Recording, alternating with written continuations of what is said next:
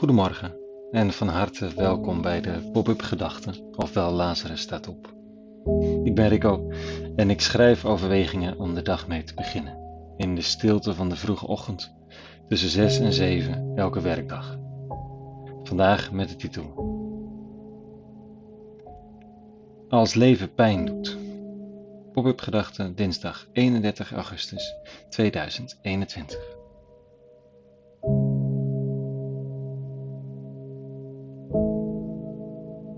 Wie ben ik om te schrijven over de ervaring dat leven pijn doet? Natuurlijk heb ik mijn portie. Maar het is niet te vergelijken met wat sommige anderen te verdragen hebben. En met die gedachte zou iemand, ik, zomaar ophouden om te schrijven en te denken over pijn. Terwijl pijn niet te vergelijken is. Een beetje relativeren kan helpen soms, maar er is geen schaal voor leed waarbij jouw of mijn verdriet laag ingeschaald wordt en je dus niet moet zeuren, en dat van een ander hoog en dat die dus alle aandacht moet krijgen. Ze zeggen dat je pijn niet te veel moet vergelijken. En dat is misschien wel goed. Want leven kan pijn doen. Puur het simpele feit dat je nog even door moet met bestaan, kan al een onoverkomelijke berg lijken.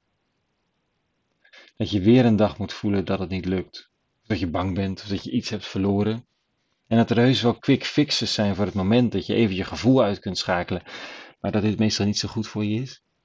En je toch op een gegeven moment door het proces heen moet. Vandaag lees ik dit fragment uit een oude psalm, nummer 27, uit het Bijbelse boek Psalmen. Het verlangen van een pelgrim om weer in Jeruzalem te zijn, die grote stad, die symbolische kern voor de schrijver van geloof en hoop en liefde toen. En dan schrijft hij, ik reken erop nog tijds mijn leven, de weldaden van de Heer te ervaren. Zie uit naar de Heer en houd dapper stand, wees moedig van hart en vertrouw op de Heer. Ja, of je nou een heel, helder beeld hebt bij die Heer, of bij de eeuwige, of niet. Misschien is het wel ingewikkeld om te geloven in een, een personage achter alles die al dan niet met weldaden strooit.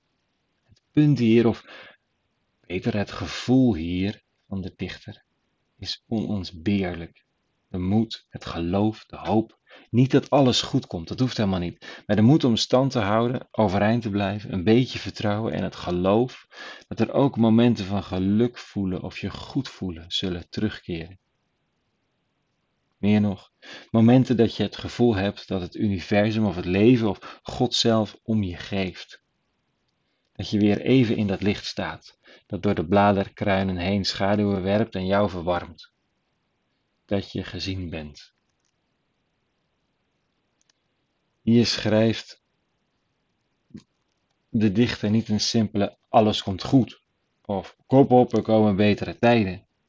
Die dooddoeners kunnen pijn doen en lijken soms eerder manieren om de pijn van de ander, die je zo ogenschijnlijk op hun toespreekt, niet te hoeven erkennen of te hoeven voelen. Deze dichter gaat er wel doorheen. Hij, of zij natuurlijk, kan ook, weet dat het even kan duren en beseft dat er moed nodig is om overeind te blijven staan. En spreekt zichzelf en anderen toe dat er vertrouwen nodig is. Vertrouwen op het leven en ja, op de Heer. Dat je in die donkere, pijnlijke route gezien bent en geliefd. Ook al kun je het niet goed verdragen dat er überhaupt iemand nog in je buurt is, ook niet spiritueel. Toch is er ergens een macht achter dit alles, een levenskracht. God, zo je wilt die in die pijn ademt en in dat verdriet. Wie ben ik om dit zo te zeggen? Dat weet ik niet zo goed. Misschien is het ook niet meer dan een onderzoekje zo op de vroege morgen wat er in die woorden van de psalmdichter zit. Diens woorden hebben de eeuw overleefd. Daar zit een diepte die ik slechts een beetje kan proberen te benaderen. Ik leer vanochtend van het vertrouwen van de dichter en de moed. En hoe meer vertrouwen en moed ik leer, hoe meer ik onder ogen kan zien hoeveel pijn er is in de wereld. Wanneer ik weer meer vertrouwen en moed nodig heb.